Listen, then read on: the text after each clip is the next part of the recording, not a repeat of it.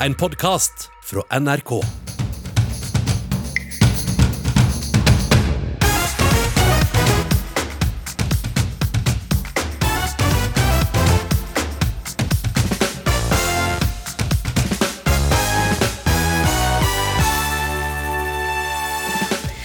Det er venta storslalåm på Stortinget framover. Tidligere alpinist Kjetil André Aamodt gir tips til det politiske slalåmrennet. Så det å ha en, eh, en god balanse i utgangspunktet og en posisjon, det er viktig for å kunne kjøre slalåm, rett og slett. Hunden Saika ble lyspunktet da Jørgen Sandmann og kona mista alt de eide i skredet i Gjerdrum. Men dalmantineren sliter etter døgnet aleine i det sammenraste huset. Kanskje har hun blitt litt mørkredd. Funker det å leve i et eh, åpent forhold? Mange har prøvd, men det går stort sett på trynet, sier psykolog Frode Tuen. Han møter sexologen som lever åpent med sin mann. Jeg strekker fram hånda og ønsker velkommen til ukeslutt de neste to timene. Men er du klar til å ta meg i hånda? Det vil jeg gjerne finne ut av. Har du lengta etter et eh, godt håndtrykk, eller vil du helst fortsatt slippe? Med gjenåpninga oppstår det den keitete situasjonen igjen. Skal, skal ikke. Hva tenker du hvis jeg gjør sånn? Så jeg vil ta deg i hånda? Egentlig ikke, fordi nå som vi har vært i isolasjon så lenge, så er ikke kroppen vant til å håndhilse og møte på så mange folk, så man blir fortere syk og sånn. Jeg hadde tatt en fistbump da, det tar jeg. Hei. Hyggelig å hilse på deg. Ja, Så dere er glad for at nå kan vi håndhilse? Ja. Ja, ja. absolutt. Hvis jeg gjør sånn, hvis jeg har lyst til å håndhilse på deg? Hei. Noen er altså veldig klare for å håndhilse igjen. Det var reporter Anna Sofie Tørmoen som fikk et kyss på hånda til slutt. Og nå har vi lyst til å høre om du er klar for å håndhilse. I NRK radioappen har vi derfor nå lagt ut en avstemning, så fram med mobilen. Er du for eller mot? Har du ikke lasta ned NRK radioappen, så gjør du selvfølgelig aller først det. Så blar du deg fram til ukeslutt, helt øverst på sida. Klikk på avstemningssymbolet. Det er det symbolet som ser ut som et slags eh, lite søylediagram. Og da er det bare å stemme i vei. Ja eller nei til håndhilsing nå, altså. Og resultatet det skal du få litt seinere her i Ukeslutt. Nå til eh, mannen som eh, denne uka kunne avsløre at han har levd i et åpent forhold i 20 år. Jan Eggum. Fordelene og ulempene med åpne forhold skal vi bore litt i seinere. Denne uka forsvant SV ut av regjeringssonderingene med Arbeiderpartiet og Senterpartiet. Men ut av den rød-grønne aska åpenbarer det seg andre flertallsmuligheter på Stortinget. Rett og slett slalåmkjøring. Du sier at et flertall er avhengig av SV, men dette er egentlig ikke helt riktig. Ei Ap-Senterparti-regjering kan hente flertall i andre partier også. Slalåmkjører i Stortinget. Slalåmkjører i Stortinget. Den største politiske striptisen jeg har sett i norsk politikk. Kjører slalåm i Stortinget. Slalåmkjører i Stortinget. I Stortinget. Vi skal stake ny kurs. Vi skal stake ny kurs. Til Slalåm eller langrenn eller super-G. Tyrkall verden, det som betyr noe er disse to svingene som kommer nå. Vi skal stake ny kurs. Vi skal stake ny kurs. Og så er det bare resten igjen, Kjetil. Så det å ha en, eh, en god balanse i utgangspunktet og en posisjon, det er viktig for å kunne kjøre slalåm, rett og slett. Velkommen til deg, kommentator i Dagbladet Martine Aurdal. Takk for det. Hva betyr det egentlig at Arbeiderpartiet og Senterpartiet nå tar på seg slalåmstøvlene? Nei, altså Grunnleggende så betyr jo det, når vi sier at en regjering kjører slalåm i Stortinget, så betyr det at de søker vekslende flertall, og gjerne da til både høyre og til venstre langs de politiske blokkene. En sentrumsregjering, eller en regjering av Arbeiderpartiet og Senterpartiet, som vil være en mindretallsregjering, de må ha med seg noen andre for å få flertall både om budsjettet og med andre saker i Stortinget, og det kan de få enten med SV eller med ja, jeg tror det er ni andre muligheter, og de kan jo da også tenkes å ha flertall for en del av sin politikk sammen med høyresida og Høyre og Frp. Så spørsmålet er det en god uh, metafor? Ukerslutt har forhørt seg med tidligere alpinist Kjetil André Aamodt for å høre hvordan det egentlig er å kjøre slalåm. Noe av det viktigste du har for å kjøre slalåm, det er å ha god balanse og være sentrert, da, på en måte. Eh, du har én motor, og det er jo tyngdekraften som drar deg ned bakken. Så hvis du er i balanse, så kan du hele tiden agere i forhold til de kreftene som virker på deg, ut fra hvor bratt terreng det er, da. Ja, Hvor trygt står egentlig en regjering bestående av Arbeiderpartiet og Senterpartiet? Den balansen kommer i hvert fall til å bli utfordra fra flere sider. Nå har vi jo fått et uh, storting med to ganske store partigrupper til venstre for Arbeiderpartiet, som vil prøve å trekke balansen i den retning. Og SV sier jo at det er jo vi som kan uh, sikre flertall. Men uh, Senterpartiet og Arbeiderpartiet vil nok mene at de nettopp skal være litt mer sentrert og kan søke Eh, søke den balansen på flere forskjellige måter. Men dette kommer til å bli eh, mye bråk om. Hvilke utfordringer eh, står de overfor før startstrekkene og før budsjettet er godkjent? Allerede har de jo kommet ganske skeivt ut uh, fra start, for uh, Jonas Gahr Støre har jo gjennom hele valgkampen forsikret velgerne om at det kommer til å bli en trepartiregjering med Senterpartiet, SV og Arbeiderpartiet som vil ha flertall i Stortinget. Så Sånn sett så er han jo allerede kan du si, um, kommet litt annerledes ut enn det han sa han hadde håpet på. Men det første store hinderet blir jo høstens statsbudsjett, når den nye regjeringen skal endre på Erna Solbergs siste budsjett. og det er vanskelig å komme utenom å svinge til venstre akkurat i den første runden. og Arbeiderpartiet og Senterpartiet har jo da forhåpentligvis staket ut kursen da, og satt utfor. Men la oss høre hvilke råd Kjetil André Aamodt har når portene skal passeres. Men med en gang en port passeres litt dårlig, så er jo inngangen til neste port uh, mye vanskeligere. Og da er det lett å rett og slett ramle. Ofte så blir det verre og verre, og så er det sånn at man ofte skal ta igjen det tapte. Så kan man gå litt for rett på på neste port. Og da bare forplanter feilene seg nedover, og til slutt så, så mister du regjeringsmakta. Ja, Hvilke porter eller hindre kan eh, skape denne ubalansen for eh, flertallet? Nei, en del av de sakene som Arbeiderpartiet og Senterpartiet skal bli enige om nå på Hurdalssjøen, de er ganske krevende. Og de er krevende både mellom de to partiene, og da er det særlig sånn de store reformene som eh, særlig Senterpartiet har gått til valg på å gjøre om på, som er dyre løfter om sykehus både her og der, kan du si, eh, om flere lensmannskontorer, og, eh, og som er da og, og svinge tilbake på reformer som Arbeiderpartiet allerede har gått med på. Og disse kommer de også til å møte stor motstand mot i Stortinget, og kan heller ikke da få igjennom alene. Så det er mange hindre som, skal, som de skal være gjennom også den aller nærmeste tida. Mm. Så kan det jo gå for sakte også, det vet også Kjetil André Aamodt litt om. Men det som er ofte er det største problemet i alpint, er at man tror man kan ha gjort en god jobb gjennom 60 porter. da. Eh, men så har det rett og slett vært for omstendelig. Man har ikke gjort ting eh, på intuisjon. Man har vært for omstendelig rett og slett, og tenkt altfor mye på hver eneste port. Og da går ikke ting raskt nok, og da blir resultatet veldig dårlig. Ja, Si at uh, Ap og Sp ender opp med å svelge både kameler og gjøre kompromisser for ikke bli felt. Kan de risikere å miste seg sjæl på veien?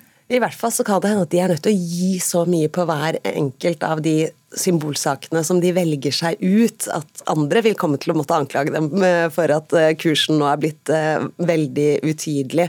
Dette opplevde jo også Erna Solberg mens hun samlet de fire partiene på borgerlig side gjennom detaljerte kompromisser hvor de ga og fikk på de samme feltene, og hvor, hvor kursen rett og slett ble ganske utydelig etter hvert. Men hvis de istedenfor går litt vel fort i svingene da, med den nye regjeringa, hvor mye skal til for å felle den? Ja, SV har jo signalisert veldig tydelig at de er åpne for å gå inn i regjeringen senere. Og da må alt uh, reforhandles på nytt. Uh, Jonas Gahr Støre har sagt at han ønsker det, så det er selvfølgelig et mulig scenario. Men det er jo også et mulig scenario at det ikke så bra mellom Arbeiderpartiet og SV, Sp, og at ja, sistnevnte er jo da mest sannsynlig uh, i så fall gå ut av regjeringen, og da vil vi få et, en helt ny type bakke i norsk politikk. Det blir spennende å se både hvor fort dette her skal gå, og hva resultatet blir hvis den nye regjeringa kommer i mål. Og takk for at du var vår hva skal vi si, sportspolitiske kommentator i dag, Martine Aurdal. Natt til 30. desember i fjor skjedde det utenkelige. Jørgen Sandmann og kona våknet opp i et svart gjørmehull. De mista flere naboer og alt de eide i det store leirskredet i Gjerdrum kommune. Denne uka kom rapporten som ga dem svaret på hva som skjedde, at erosjon i en bekk var hovedårsaken til skredet. Men husker du nyheten om hunden som ble redda opp av skredet? Hun ble lyspunktet for paret. Her kommer det noen. Hei. Hei. Hunden Saika er ivrig når Jørgen Sandmann låser seg inn hjemme. Begynner med å bytte litt vann. Ja, der ja. Du vet hva som er på gang. Vær så god. Rutinen er på plass, både for husfar og dalmatiner, selv i et midlertidig hjem. For huset som Jørgen, Hona og Saika bodde i, var et av husene som forsvant natt til 30. desember i fjor. Her er NRK Dagsnytt, klokka er seks. Det har gått et større jordskred i et boligområde i Ask i Gjerdrum kommune på Romerike. Så sitter vi og titter ned på restene av det som en gang var vårt hus og vårt hjem. Det var veldig mørkt allting. Vi hör också någonstans eh, lite längre bortanför oss faktiskt en, en kvinna som skriker på hjelp. Jørgen forteller fra den dramatiske natten. Han ble selv skadet. Lettkledd og kald ble han etter en lang stund som den første i familien heist opp i et redningshelikopter. Deretter var det konas tur. Men hun Saika, som trofast hadde lagt seg ved hans føtter, også hun skadet, måtte bli igjen. Jag tänker inte på Saika själv i det läget. Eh, jag är så upptagen av allt det som händer och sker där. Så det är först eh, när helikoptern eh, tar mark igen som jag då kommer på att, ja men herregud, vad hände med Saika liksom? Blev hon igen? Och då förklarade ju Anna för mig att, ja dessvärre, så blev hon nött till att lämna Saika bak oss. Och det var ju en, ja, det var ju en väldigt otäck känsla. Framförallt eftersom vi visste at hun var skadad. Det skulle gå nærmere ett døgn før Jørgen visste noe mer om sin firbente venn. Det var først da han fortalte en sykepleier om dalmatineren han savnet, at han får den gledelige nyheten. En dalmatiner, sier hun, og så vender hun på seg og så stikker hun i vei ut i korridoren. Och så kommer hon tillbaka efter någon minut tillsammans med ytterligare en sykepleier, då, också en kvinna. Och eh, säger det att eh, du, eh, vi har just hört eh, att eh, det är en dalmatiner som har blivit räddad upp ur skredsområdet. Det blev eh, en liten skvätt där, lite gråt. Och inte bara jag utan båda de här damerna, de Eh, hjälpte till med gråtandet. Och det var väl inte så hemskt långt senare tror jag som vi också då fick se bilder på NRK. Då. Ved ett-tida i natt blei Saika redda ut av skredet. Hon tycker om å bli killad under hakan, det gjør vi. Ja, vi har några ställen på, på kroppen som er litt spesielle. Ja, da trivs vi. Tilbake i leiligheten familien midlertidig bor i etter jordskredet, sitter Jørgen i sofaen med Saika. Takk, nå fikk jeg litt belønning også for besværet. litt slik i ansiktet? Ja. Jo da, det, det, hun tykker om å pøse sånn også, presis som vi mennesker. Den høyre frempoten er fortsatt skadet. Dalmatineren måtte amputere to klør og fikk transplantert en pute under poten. Hver dag får hun smertestillende og i dag har hun vært hos veterinær. Men fortellingen om Saika er tross alt et lysglimt i den mørke historien om jordskredet i Gjerdrum. Jørgen Sandmann minner oss på at det var ti mennesker som mistet livet. Tilbake sitter etterlatte og pårørende. En rød sokk på høyre fremfot minner om hva som skjedde med Saika. Ellers er hun i fin form etter at hun tilbrakte ett døgn i det sammenraste huset. Men Det enda spåret som vi egentlig ser, det er at kanskje har hun blitt litt mørkredd. Så når vi, när vi rör oss ute och det inte ikke på ett ställe där det inte finns någon gatubelysning och så vidare det är så mörkt som det ju faktiskt blir nå, nu när hösten har kommit och det kanske är dåligt väder och så vidare. Så då eh, kan man gå några meter och så helt plötsligt så är linan spänd.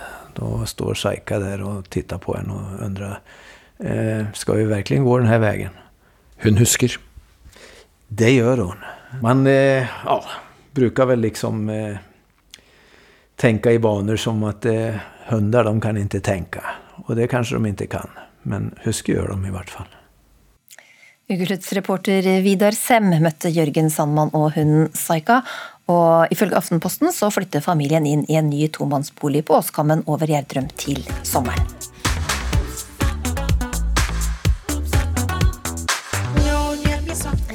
Ja, Du kjenner kanskje fortsatt på den der ops-følelsen når folk rekker fram hånda for å hilse. Det gjør i hvert fall de fleste av oss. Vi er litt skeptiske til håndhilsing også nå, ifølge en undersøkelse som NRK har gjort. Men hva synes dere som hører på Ukeslutt akkurat nå? Det er ennå ikke for seint å gå inn i NRK radioappen. Finn ukeslutt, og klikk på søylediagram-ikonet for å si din mening, og så skal vi avsløre resultatet om litt. Men først Silje Ulveseth. Hadde du håndhils på meg hvis jeg hadde forsøkt? Nei, jeg tror kanskje ikke det. Eller jeg hadde sett situasjonen litt an. Og så hadde jeg kanskje tatt hånden på hjertet, eller eh, ja. Jeg hadde forsøkt å unngå det, i hvert fall. Ja, for Du skrev et innlegg i Bergens Tidende i sommer hvor du spurte hvorfor skal vi på død og liv ta hverandre i, i henda. Hva er det du misliker? Eh, jeg tenker Vi har jo vært i en pandemi, og vi er jo fortsatt det. Smittetallene går ned. Men, eh, men eh, ja, vi vet jo ikke hva som skjer framover. Og så ser vi òg at det er et smart virus som er omstillingsdyktig. Så ja, Kanskje vi prøver litt andre metoder. Vi har jo eh, unngått å hilse på hverandre med hånden nå i ett og et halvt år. Så det har jo gått fint. Mm. Live Bressendorf Linseth, du er ekspert på kroppsspråk. Hvordan har du merka folks tilnærming til dette med håndhilsing denne uka? Eh, det jeg har sett, det er at folk eh, hilser mye mer. Bruker eh, håndhilsing, og noen forsøker seg også med litt klemming. Hvorfor, eh, hvorfor, hvorfor, tror du folk er litt tilbakeholdne fortsatt? Eh, jeg tror nok at eh, noen er forsiktige rett og slett fordi de er redd for smitte. De har liksom ikke fått den frykten ut av kroppen enda. Men jeg tror nok etter hvert at behovet for å ha nærhet, føle nærhet, behovet for fysisk kontakt, kommer til å utkonkurrere frykten. Hos de fleste, i hvert fall. Har det blitt noe håndhilsing den siste uka på deg, Silja? Uh, nei, ikke så veldig mye. Det har faktisk vært mer klemming. så, ja, hva syns du om det? Det har egentlig vært greit. Altså, det kommer jo an på hvem, om det er nære relasjoner eller eh, Så ja, det har egentlig gått fint. Og så har ikke jeg følt at det har vært så opp i ansiktet likevel. Så ja. Og så har det vært en del sånn knokehilsing. Live, hvorfor Hvorfor er håndtrykket viktig for oss, da? Jeg tenker at eh, Det er flere årsaker til det. Det ene er altså behovet for fysisk kontakt, nærhet. Eh, man pleier gjerne å snakke om noe som heter hudhunger. Dvs. Si at eh, alle vi mennesker har behov for fysisk kontakt. Og hvis man ikke opplever det, så går det rett og slett utover ja, sinnsstemning, humør og i verste fall at man kan bli ganske nedfor. Ehm, det er det ene. Det andre er at eh, håndhilsing forteller oss også noe om den personen vi hilser på. Fordi vi har veldig mange forskjellige håndtrykk. ikke sant? Fra det litt eh, knokkelknusergrepet til den veldig bløte fisken. Så vi har liksom alle avskygninger. og Uansett så vil jo måten man trykker noen i hånden på fortelle oss, vi innbilder oss i hvert fall det, at det vil fortelle oss noe om ja, hva slags person det er vi eh, snakker med eller møter, og kanskje også hvis det er en vi kjenner, hva slags humør eller form vedkommende er i akkurat den dagen. I tillegg til fasthet så handler det jo også om ja, hvor kald eller varm hånden er, hvor tørr, og fuktig Det er ganske mange variable som knytter seg til uh, håndtrykket. Pluss at uh, når vi hilser på noen, tar det i hånden, så er det veldig ofte at vi ser de i øynene. Det bør man jo for så vidt gjøre. Eh, får en god blikkontakt, og da den blikkontakten ved siden av håndtrykket, og da gjerne et smil, altså den treenigheten der, den gjør noe med oss. Det viser eh, forskning også. Silje, hører du ikke at du går eh, glipp av noe her? Den treenigheten?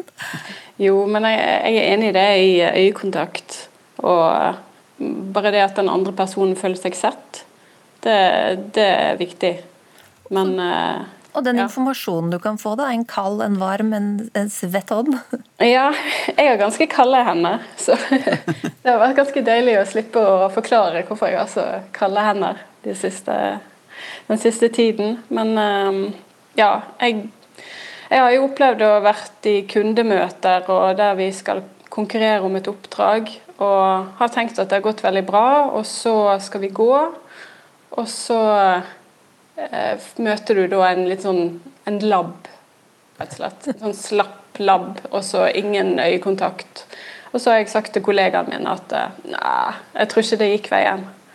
Og så fikk vi kontrakten likevel.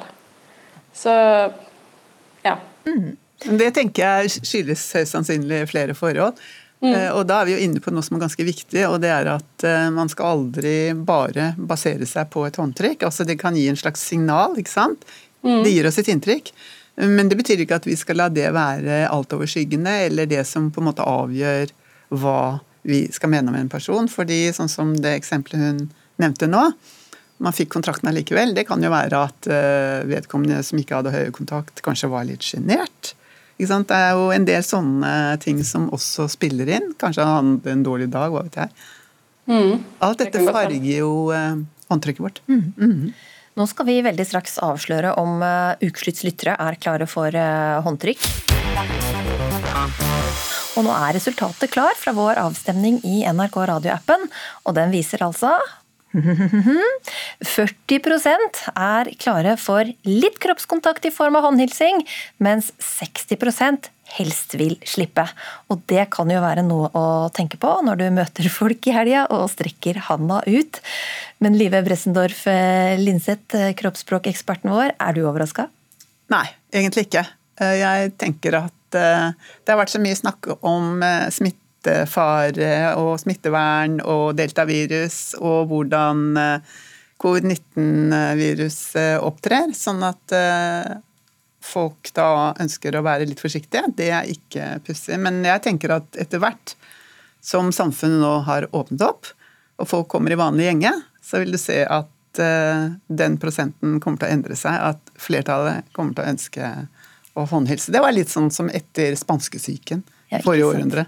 Men så, Hvis du kort kan si da, Når du først skal gi et håndtrykk, siden vi har snakket om slappe labber og litt av hvert, hvordan skal man gjøre det? Hvordan gi et godt inntrykk på håndtrykket? Et godt håndtrykk det skal være fast, ikke for hardt, sånn at du liksom hører at uh, knoklene knuser.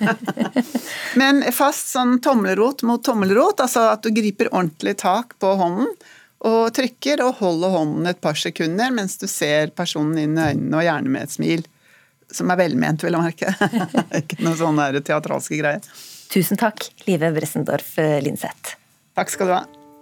Deltakerne på Paradise Hotel og Ex on the Beach må nå vise tommel opp til kamera før de har sex, for å vise at den er frivillig. Nå starter Ex on the Beach! Jeg studerer til å bli ingeniør i robotikk. Jeg er jo 90 forholdsfyr, 10 f***boy. Funker veldig dårlig å ha guttevenner, fordi alle vil bare p*** meg. liksom. Men jeg er åpen. Slapp av. Både Danmark og Sverige har en såkalt samtykkelov, som innebærer at man må være sikker på at den man har sex med, også har lyst på sex. Og du gir tommel opp for en samtykkelov, Victoria Steen Hansen. Du er studentaktivist i Amnesty. Hvorfor det? Jo, um, først og fremst vil jeg bare si det er kjempebra at Paradise Hotel har fått en slags samtykkelov. Og jeg syns også det er litt pinlig at et realityshow går foran eh, regjeringa på det feltet. Men så tenker jeg også nå at Nå har jo Jonas Gahr Støre muligheten til å rett og slett skrive kvinnehistorie eh, gjennom å innfri valgløftet sitt og ta med samtykkelov inn i den nye regjeringserklæringa. Så den muligheten den håper jeg at han tar. Og En samtykkelov er jo veldig viktig, fordi at sex uten samtykke er voldtekt. Og det burde også loven vår reflektere. I dag så er det jo mange voldtekter som henlegges, rett og slett fordi at uh, de faller utafor det lovverket vi har i dag. Og en samtykkelov vil kunne favne om alle tilfeller av voldtekt, og gjøre at man da kan etterforske det, og at flere også kan bli dømt. Mm. mm. Siri Heimdal Knutsen, leder i Kristiansands eh, Unge Høyre. Ja, alle er vel egentlig enige om at sex skal være frivillig, men det blir ingen tommel opp fra deg til en samtykkelov, kunne vi lese i et sideinnlegg i Aftenposten. Hvorfor ikke? Altså, jeg er helt enig i at sex uten samtykke det er ulovlig, og det skal være voldtekt. Men jeg er imot samtykkeloven fordi han vil skape enda flere skygger. Jeg skjønner at samtykkeloven er med god intensjon og en god idé, men det er dårlig juss. For jeg mener virkelig ikke at Norge som en rettsstat kan innføre en lov som ingen kan tolke. For hva er egentlig et samtykke? Danmark som du sa, de har innført samtykkeloven. Og når de danske politikerne ble spurt hva er et samtykke, så fikk man veldig forskjellige svar. Da var det noen som sa at hvis man kyssa før man hadde sex, så var det et tegn på samtykke. Eller så var det noen som ikke mente det. Og så var det noen som sa at relevante bevegelser og lyder var et samtykke. Altså, en så usikker lov som nesten ingen kan tolke, kan vi ikke innføre. Og Vi kan jo f.eks. se på legalitetsprinsippet i Grunnloven. For vi kan jo ikke dømme noen uten en lov som sier hva det betyr. Mm. Eh, jeg skal bare høre litt med Victoria her. Hvordan, hvordan, skal man helt konkret gi et samtykke? Ser du for deg? Eh, ja, det er faktisk veldig mange måter man kan gjøre det på. Eh, et samtykke handler jo om for det første et fritt og gjensidig samtykke. Så et samtykke uh, kan være gjennom handling eller gjennom ord. Så det kan være veldig mye forskjellig. Alt fra å si ja eksplisitt til å vise med kroppsspråk at man er med, at man har lyst. Eller det kan være begge deler. Og er man usikker, så burde man spørre en gang for mye.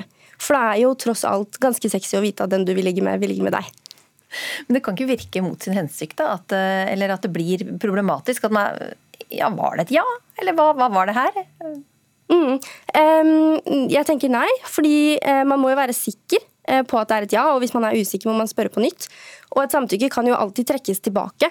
Så hvis man starter, da, og det er god stemning, og man kysser, som, uh, som Siri sier, men plutselig så ligger den ene personen helt stille og er ikke med, altså, da er det jo ikke et samtykke lenger. Da er jo det et tydelig kroppslig nei, og vil da kunne etterforskes som voldtekt.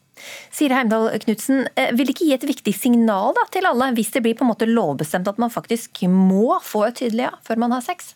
Jo, altså Jeg er jo helt enig i at vi trenger endringer, men jeg mener ikke at de endringene skal skape så mye usikkerhet i loven. Jeg mener heller at de endringene og de signalene skal komme gjennom mye bedre seksualundervisning, sånn at vi tidlig vet mer om sex, og tidlig vet mer om samtykke og hva som er greit og ikke.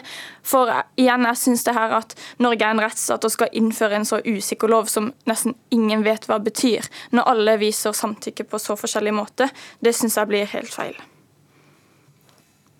Um, jeg kan jo si at jo, Samtykke kan jo være masse forskjellig, men det viktigste er jo om det har blitt samtykka eller ikke. er jo det denne loven skal gå på. Og det er ingen som skal dømmes uten bevis. Altså, Det vil vi jo ikke. Eh, men det som skal bevises, er jo da samtykke eller manglende samtykke eh, for at det skal være voldtekt. Ja, Vil det gjøre det noe lettere eller vanskeligere å få dømt folk med en samtykkelov?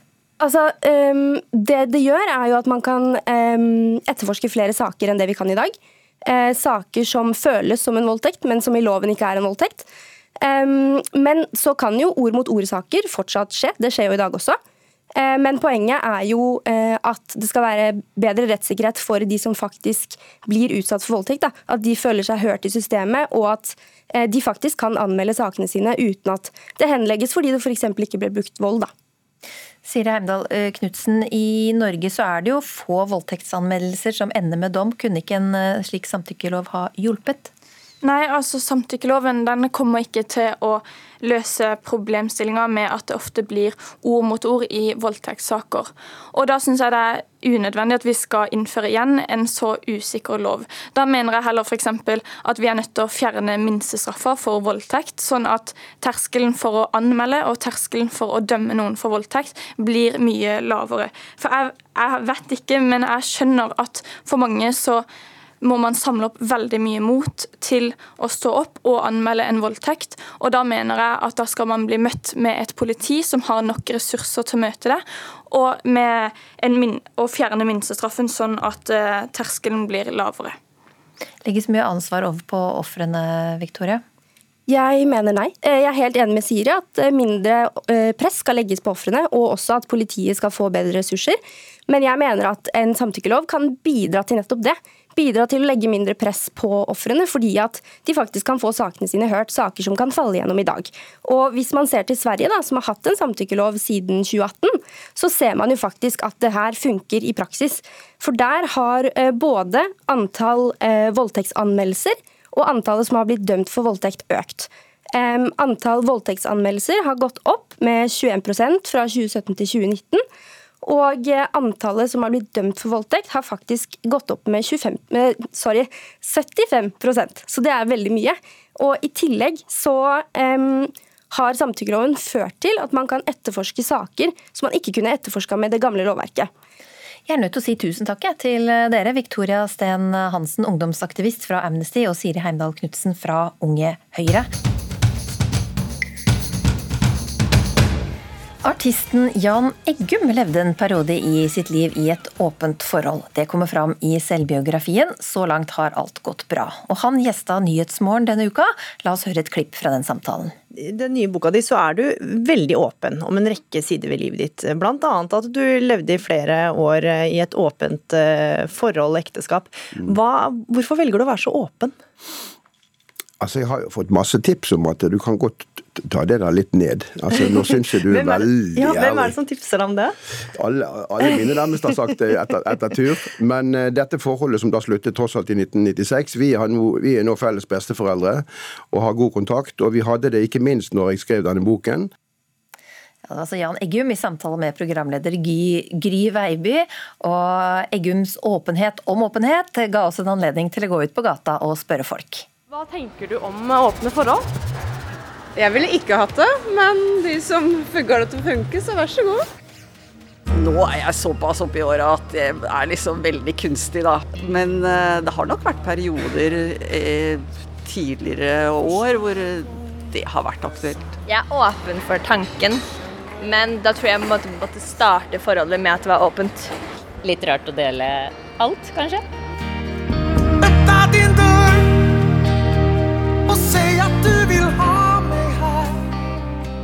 Hva med det er det som gjør, hva med åpne forhold som gjør at du blir litt eh, ja, skeptisk til det? Det er vel det at når man er i et forhold, så er det liksom en tilknytning til partneren. Jeg kjenner faktisk noen som uh, har tilbøyeligheter, i hvert fall, som uh, syns det er relativt greit. Men uh, sånn i bunnen og grunnen tror jeg kanskje det ryker til slutt. Hva tenker du at kan være fristende da, med et åpent forhold? Man får sikkert litt eh, mer eh, Jeg tenker at sexen blir eh, mye mer spennende. Jeg skal åpne min dør. Så, men har du lukka døren helt da, hvis sexen kan bli mer spennende? Og jeg er åpen for mer spennende sex, men ikke for åpent forhold. Nei. Det var Anna Sofie Tørmoen som spurte folk på gata om åpne forhold. Tone Haldorsen og Max Torup Due, velkommen til ukeslutt. Takk. I motsetning til eh, ja, hei. I motsetning til de på gata, så er dere kjærester, men bor eh, hver for dere og lever i et eh, åpent forhold. Og Tone, hvilke regler er det som gjelder i deres forhold? Altså, vi har vel egentlig bare to hovedregler. Det å bruke kondom hvis vi har sex med andre enn hverandre, og være helt ærlig hvis vi blir spurt om noe, eller hvis vi har noe å dele, eller hvis det kommer opp noe, så skal vi være ærlige. Max eh, Torup, du, du er med oss fra Danmark, der du bor. Er det greit for deg at eh, kjæresten din Tone har sex med andre? ja, um, uh, greit blir det jo Det vil jo alltid være en, uh, en utfordring. Uh, men det er der så mange ting i livet, der vil være. Åbenheden øh, tillader, at vi kan ha sex med andre, og det har jeg det fint med. Det, det har jeg det riktig fint med. Og Tone, hva kan, hva kan Max gjøre med andre da, som er greit for deg? Nei, det må han styre sjøl. Jeg er ikke hans eh, vokter på noen måte som skal bestemme hva han kan gjøre. Men um, det er veldig fint å bli tatt med på, um, på om det er greit. F.eks. hvis han skal gi en tantramassasje til noen naken, eller ha sex med noen, eller så er det jo greit hvis de kjenner til personen, at de får et spørsmål at syns du det her er ok, eller er det her fint for det? Og likedan at de gir den respekten tilbake, at de sjekker inn. Så, men jeg har ikke noen regler på hva han kan gjøre og ikke. Det, han er et fritt menneske. og Max, hva om hun kommer på besøk til deg og forteller at hun har fått uh, følelser da, for en sexpartner eller en flørt? Um, jeg skal nok tale langsomt. Um, det vil, vil um, med sikkerhet uh, trigge sjalusi. Det vil med sikkerhet trigge usikkerhet i meg. Uh, og samtidig vil jeg også være helt bevidst om, at de følelser, de er mine. Det er ikke noen som Tone har skapt. Det er noe der skapes i meg, og det skal jeg så kikke på.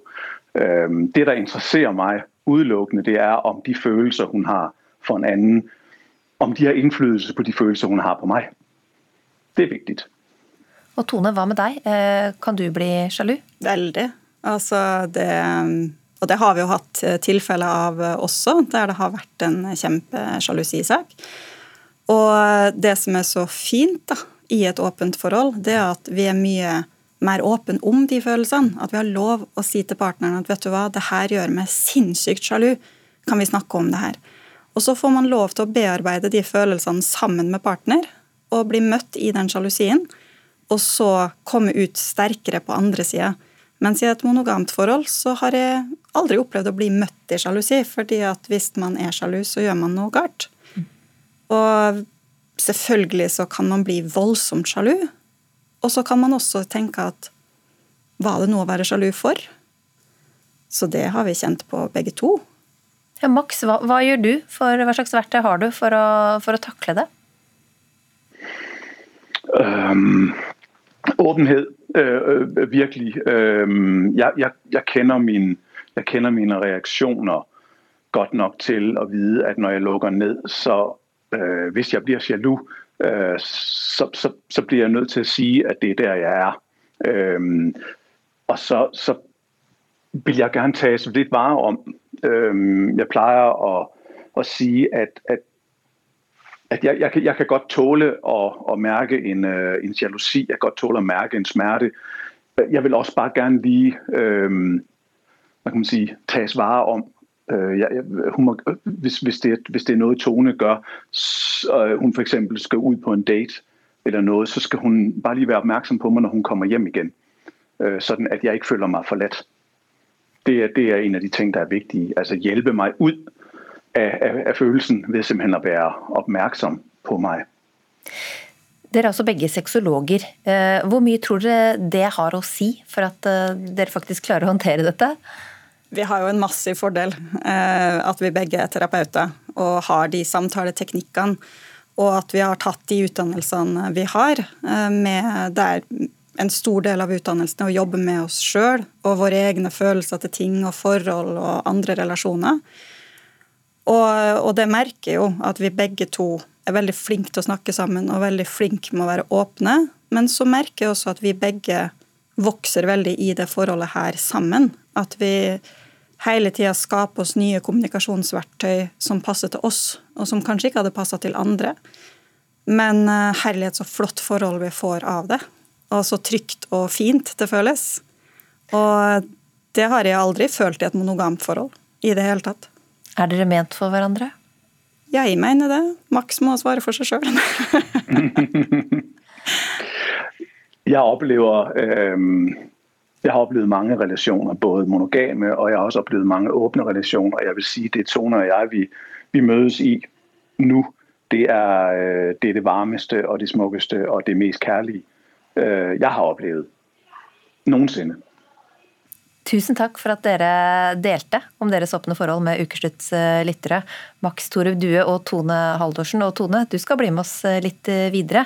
For straks så skal du få være en forsvarer for det her ved å leve i et sånt forhold, når du møter parterapeut og psykolog Frode Tuen, som mener at åpne forhold stort sett er dømt til å mislykkes.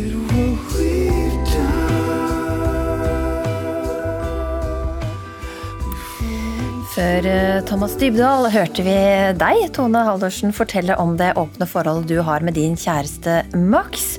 Og du er jo også sexolog og parterapeut. Og sånn sett fra ditt profesjonelle ståsted, da, hvor, hvorfor kan åpne forhold fungere? Åpne forhold er i mange tilfeller basert mye mer på kommunikasjon enn monogame forhold. Når man går inn i et monogamt forhold, så er det veldig mye man tar for gitt. At uh, hva utroskap er, f.eks. At blant annet man skal ikke ligge med andre, man skal ikke flørte med andre, man skal ikke kysse andre. ikke sant? Og så skal man jo helst ikke være sjalu, for det er fy-fy. Og så skal man ikke gjøre sånn og sånn. Men det, det er regler man lærer gjerne fra foreldre og samfunn og sånn. Det er ikke noe man setter seg ned og snakker om. Og det ser vi gjerne på klientene som kommer også, som er i monogame forhold, at kommunikasjonen har jo svikta helt fra start. Mens i åpne forhold så er man mer tydelig, og man snakker om ting, og ting blir kartlagt. Mm. Særlig tidlig i forholdet. Så det er en sånn stor forskjell man ser, da. Frode Tuen, du er eh, psykolog, parterapeut og professor ved Høgskolen på Vestlandet. Et åpent forhold går stort sett på trynet, sier du. Hva legger du i det? Uh, ja, altså Det handler jo om at det er mange utfordringer å skjære i sjøen med åpne forhold. Og Det kan det jo være i, i monogame forhold også, selvfølgelig, men, men, åpne forhold er ikke noe, noen enkel løsning på de utfordringene som er et monogamt forhold. Snart tvert om. Det er veldig mange andre forhold, eller problemer som, som også melder seg. Og vi har jo hørt om dette med sjalusi som, som, veldig ofte vil være en stor utfordring. Og det er jo absolutt ikke slik at alle, alle som lever i åpne forhold, klarer å håndtere de følelsene veldig bra. Det skaper mye usikkerhet og utrygghet. Og det andre viktige, ut, andre viktige utfordringen er jo altså at eh, det kan være vanskelig å avgrense seg i forhold til eh, altså andre parter. Altså at man skal gjerne bare ha sex i utgangspunktet, men så oppstår det så oppstår det forelskelse, eller at man blir glad i hverandre. og sånt. Og, eh, og da å kunne på en måte holde på det, det primære forholdet og, og, avgrense de utenom ekteskapelige relasjonene til bare en seksuell relasjon, det, det blir veldig vanskelig. og da det, da fører det før eller siden til brudd i de aller fleste tilfeller. Men det kan fungere bra så lenge det fungerer. Men det er sjelden et livslangt forhold som er åpent uh, gjennom hele, hele den, altså den, tiden de er sammen. da. Ja, Det å ha sex med andre, tar ikke det bort noe av det eh, eksklusive? Den tosomheten som bare et par har sammen, Tone? Altså Det Tuen sier her, er jo ikke enig i det hele tatt. Altså, for han, um, han, fokuserer veldig på det seksuelle, at et åpent forhold, da har man én primærpartner, og så skal man kunne ha sex med andre. De aller fleste forhold der er det jo følelser involvert, og man har lov til å utforske de følelsene. Og det er veldig, veldig mange forskjellige typer åpne forhold. Og de aller fleste ønsker ikke å være et åpent forhold for å ligge rundt. Men de ønsker åpenhet i forholdet sitt, både kommunikasjonsmessig og følelsesmessig og sexmessig. Eh, og vi ser at faktisk flere åpne forhold fungerer bedre enn mange monogame fordi at kommunikasjon er sånn på plass, og ting blir bearbeida på en god måte. Frode Tuen, altså utroskap er jo også ganske vanlig, men da antar jeg man sjelden snakker om det. er ikke åpenhet. Eh, kan ikke det være en nøkkel her? Eh, ja, altså Utroskap er jo et, en utfordring i et monogamt forhold. Eh, men det betyr jo ikke at man da skal på en måte eh, åpne opp for alle mulige seksualpartnere eller emosjonelle forhold. De aller fleste reagerer med å bli sjalu, og sjalusi er en veldig krevende følelse å håndtere i et eh, forhold. I et forhold. Og 90 I overkant av 90% av parforholdene beskriver seg som monogame. Sant?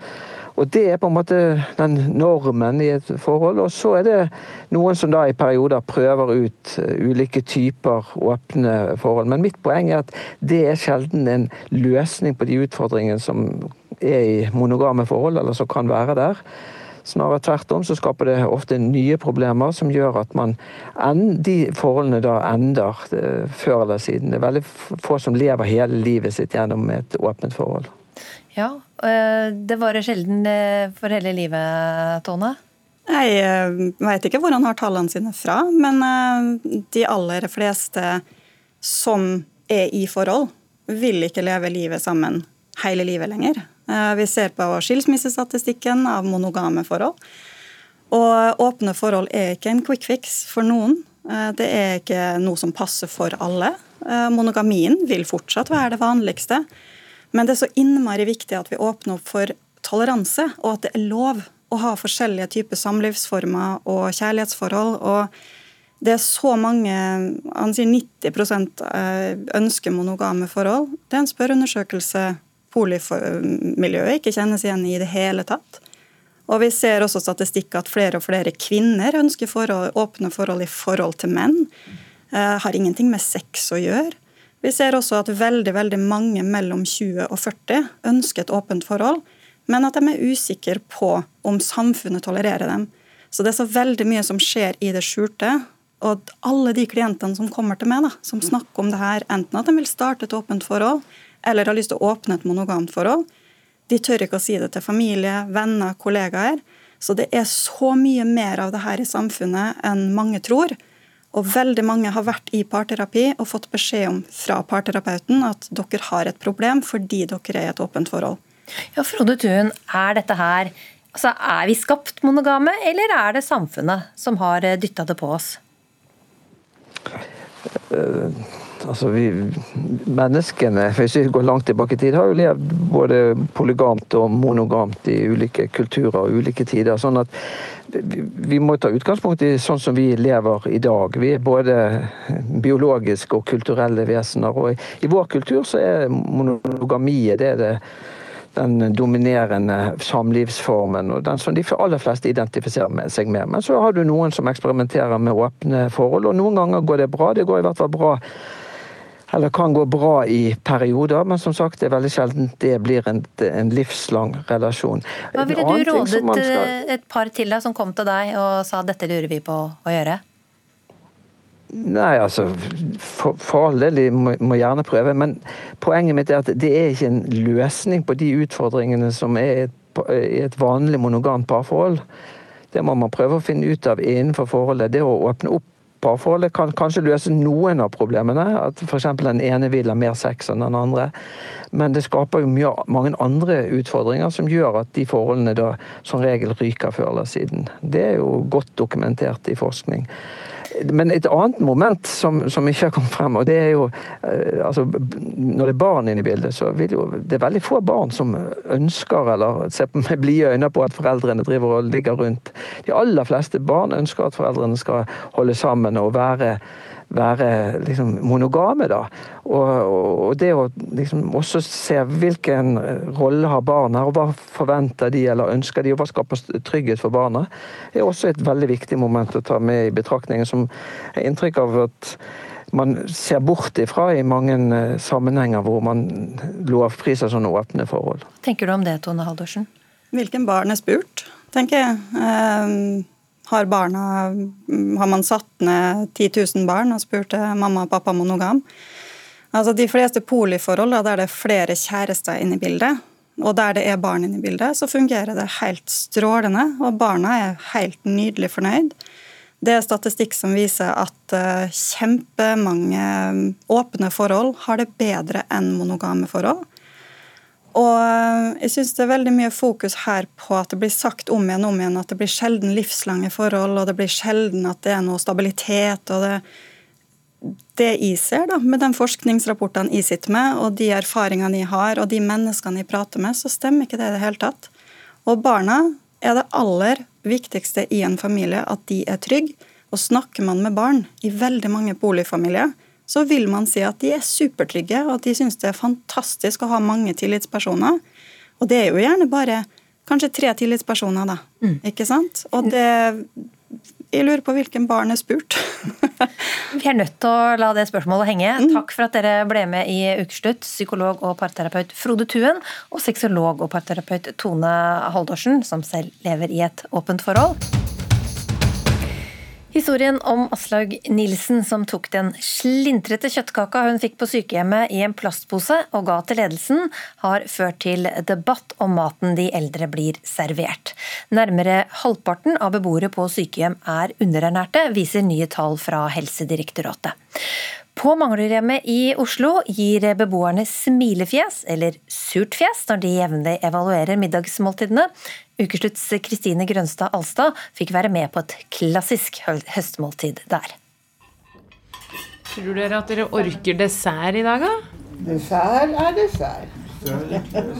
Rundt et dekka bord i førsteetasjen på Manglerudhjemmet sitter Karianne Lund og fem andre beboere.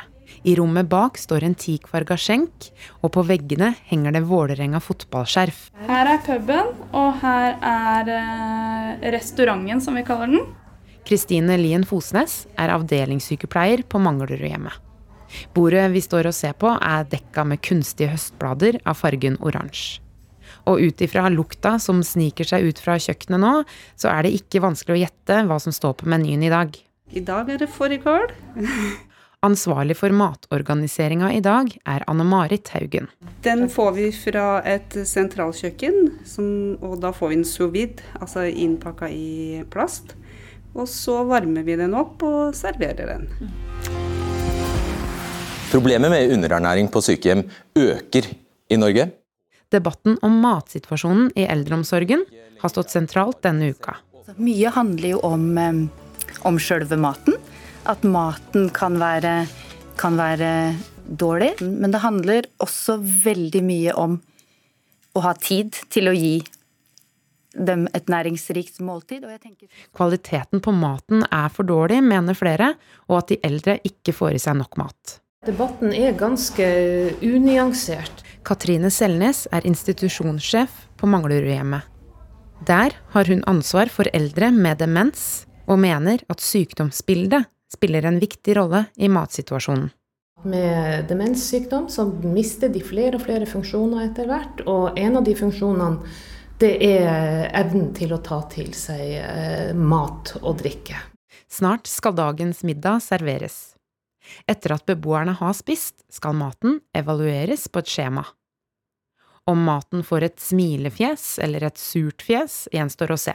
Jeg tror jo vi har en eh, kommunikasjons- og informasjonsutfordring når det gjelder rett og slett folkeopplæring om alderdom og sykdom og demens. Enkelte beboere, når de kommer inn til oss, så går de opp i vekt. Snart skal Inge Marie Melby ta heis ned til restauranten i første etasje for å få seg et måltid med fårikål. Jeg syns slett ikke det er så verst, men jeg, det er veldig sjelden jeg har At du disker opp med det sjøl? Ja. Avdelingssykepleier Fosnes har med seg skjemaene som beboerne skal bruke for å sette poeng på dagens middag. Nei, Nå skal vi inn i heisen. Men hvordan er matlysten til de som bor der? Det er jo litt varierende. Eh, Det er viktig å beholde smaker og, og gjøre det litt sånn pent for, å, for at de skal få beholde matlysten. En uke om våren og en uke om høsten evalueres middagsmåltidene. Her står navnet ditt, vet du. Så snart alle har satt seg, skal middagen serveres i restauranten. Til høyre sitter Solbjørg Vøllo. Det er jo morsomt å gjøre noe utenom det vanlige. Skal du ta litt poteter? Ja. Det var veldig god mat. For beboer Karianne Lund falt dagens rett i smak. Jeg liker jo alt, men noe av det spiser jeg allikevel når du blir tilbudt det. Så kan jeg ikke si 'Å nei, jeg gjør ikke sånn'. Og da er det første spørsmålet hvordan du syns dagens middagsrett er. Nå skal det evalueres. Lund er først. Hva, var det, hva ville du valgt av smilefjesene da? Nei, jeg syns at det var Skal vi se Middels Jeg syns det var bra. Bra? Ja, jeg syns det. Nå har jeg fått i meg det jeg tok og fikk. Og er godt forsynt. Og ikke overspist. Nå har jeg tre smilefjes her. Solbjørg Vøllo er på lik linje som Lund, men ikke på alt. Og så kommer vi på hvordan er smaken. Ja. Skal jeg kalle det middels, da? Mhm. Smilefjesene ble ikke få. Noen ga middels, men ingen ga et surt fjes. Nå skal skjemaene sendes til kliniske ernæringsfysiologer. De bearbeider resultatene og lager en rapport, slik at kjøkkenet som lager maten, vet hvor det ligger et forbedringspotensial. Er det noen retter som scorer dårlig, tas de av menyen. Men nå kan desserten nytes. Må dere hvile middag, dere nå, da? Det har vært veldig koselig. Vi har ikke bråk, vi er ikke bråk så veldig.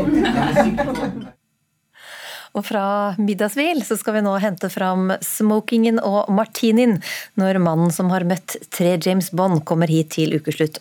Det er lenge siden vi har hørt de klassiske sitatene som 'Shaken Not Stirred' og 'Bond James Bond', men i går kveld var det endelig norgespremiere på den 25. Bond-filmen 'No Time To Die'.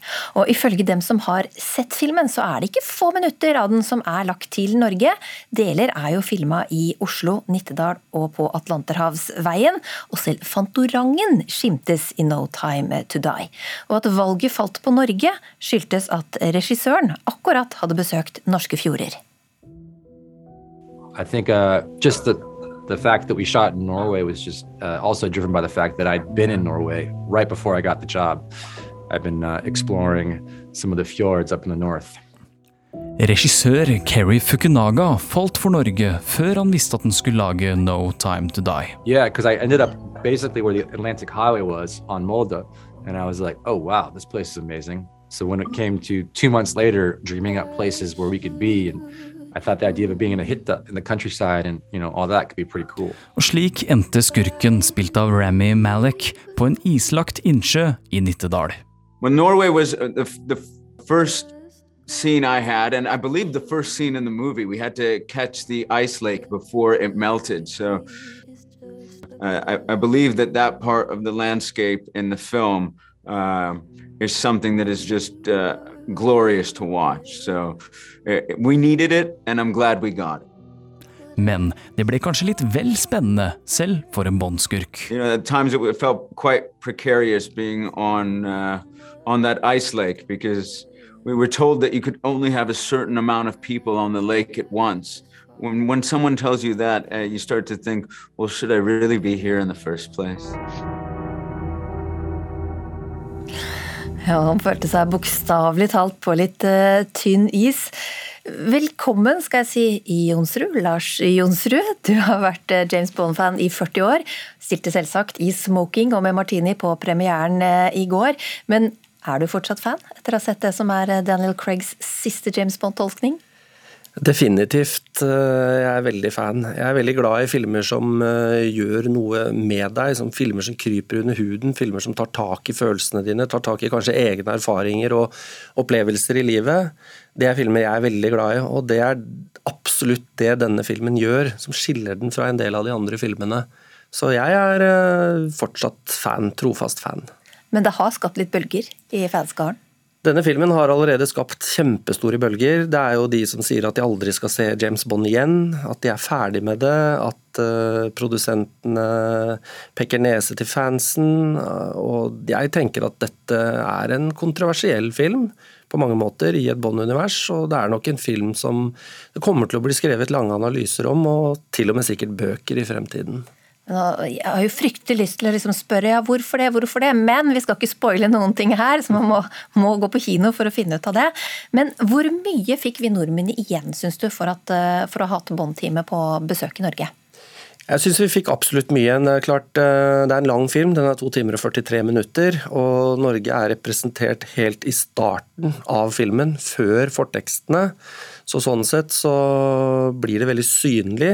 Det er det eneste vinterlandskapet i filmen, så det skiller seg på veldig mange måter. Hvordan de har sydd de ulike innspillingsstedene sammen, er det jo sikkert noen som kan kritisere, for det blir en veldig kort vei mellom Nittedal og Atlanterhavsveien. Men det er friheter som man tar seg i film, så det må man bare akseptere. Og du var jo eh, veldig ivrig da de, da de var her. Hvor, eh, hvor langt var du bokstavelig talt villig til å gå for å komme i, komme i nærheten? Eh, jeg var jo i Nittedal for å se om jeg kunne få se noe som helst av, eh, av innspillingen. Vi kom ganske nær og så noe, noe crew ute på isen der osv. Jeg klarte faktisk å få med en liten bit av dette huset, da, så jeg fikk med meg noen takstein fra dette huset. Så de, jeg har en bit eh, James Bond, norsk James Bond-historie der som ligger hjemme i garasjen. Ja hva, ja, hva gjør man med en bit takstein? Nei, I den James Bond-universet så er alt som har noe med filmene eller universet å gjøre, et samleobjekt. Så dette er noe jeg tenker jeg skal tilby til fansen etter hvert. Mm -hmm.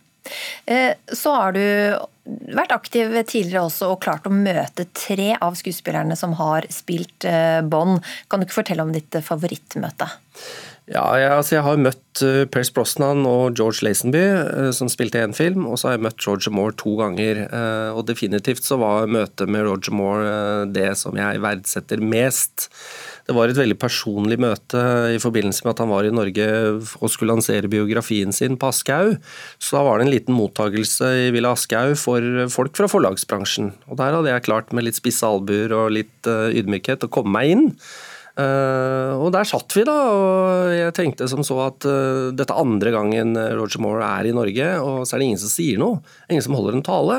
Så jeg tenkte denne sjansen får jeg bare én gang i livet. Så jeg klinte kniven i glasset og reiste meg opp og tok en tale. Og han var så ydmyk og høflig og ålreit og takket meg så personlig for det etterpå. Det var et stort øyeblikk. Ja, hva sa du da? Jeg snakket faktisk litt om, litt om meg som fan, og hva filmene og han og hans tolkning av karakteren har gjort med meg, og hvor viktig det har vært for meg, og hva det har betydd for meg. Og så trakk jeg også fram ting fra hans karriere som ikke bare er James Bond. Alt fra han spilte Helgenen til andre enkeltstående filmer. Og jeg overrasket meg at mannen som da var godt voksen, hadde veldig god hukommelse. Han satt og nikket og smilte og kom med små kommentarer innimellom på de tingene jeg fortalte, så det var veldig gøy. Hvordan var han i forhold til James Bond-karakteren? Jeg vil si at Roger Moore spiller seg selv, stort sett alltid. Hans type humor som du ser i Bond-filmene, det var akkurat sånn han var når jeg traff han. Spekulasjonen er jo begynt. Blir det noen flere James Bond, og hvem skal bli den neste i så fall? Det, har du noen favoritter der? Ja, det er jo veldig mange som nå tenker at nå er det slutt, nå blir det ikke noe mer. Og Vi kan jo ikke si så veldig mye om hvorfor det, men jeg tenker at det er viktig å se på dette med tidslinje her. Craig har gjort fem filmer, det er hans historie. Nå er alle dører åpne, og nå er alle muligheter åpne. og ja, jeg ønsker jo selvfølgelig at dette skal fortsette. Jeg har engelskmannen Henry Cavill som min favoritt. Han har jo spilt Supermann i noen filmer. Han skulle jeg gjerne hatt som Bond.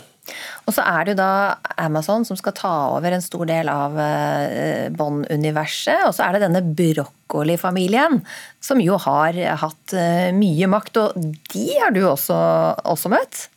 Ja, eh, nå er det sånn at Broccoli eier 50% og så eier da Amazon 50% men de kreative rettighetene ligger hos Broccoli, så det er de som på en måte sitter på det som har med filmene sånn sett å gjøre.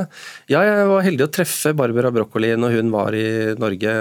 Det er egentlig veldig spesielt, fordi at de journalistene som skulle prøve å få meg inn der, sa at det er helt umulig. Hun vil ikke svare på spørsmålene våre, og det er ikke snakk om at vi får noen inn der. Men jeg klarte på en eller annen finurlig måte etter å ha fulgt etter henne til Frognerparken og få tak i henne. Og da var noe av det jeg spurte henne om når skal dere spille inn en film i Norge? For dere har vært i hele verden, men dere har enda ikke vært i Norge. Og da sa hun vet du hva, vi har tenkt på det lenge, og det kommer til å skje en dag i fremtiden. Og nå, som jeg liker å si, nå er vi i fremtiden. Nå har det skjedd. Nå har det Unnskyld. Nå har det skjedd. Tusen takk, Lars Jonsrud. Der fikk jeg trøbbel med stemmen, men Da var det slutt. Ukeslutt. Ansvarlig for sendinga Philip A. Johannesborg. Teknisk ansvarlig Hanne Lunås. Og i studio Linn Beate Gabrielsen. Og ta med deg at bare fire av ti er klare for å håndhilse igjen. Du har hørt en podkast fra NRK. Hør flere podkaster og din favorittkanal i appen NRK Radio.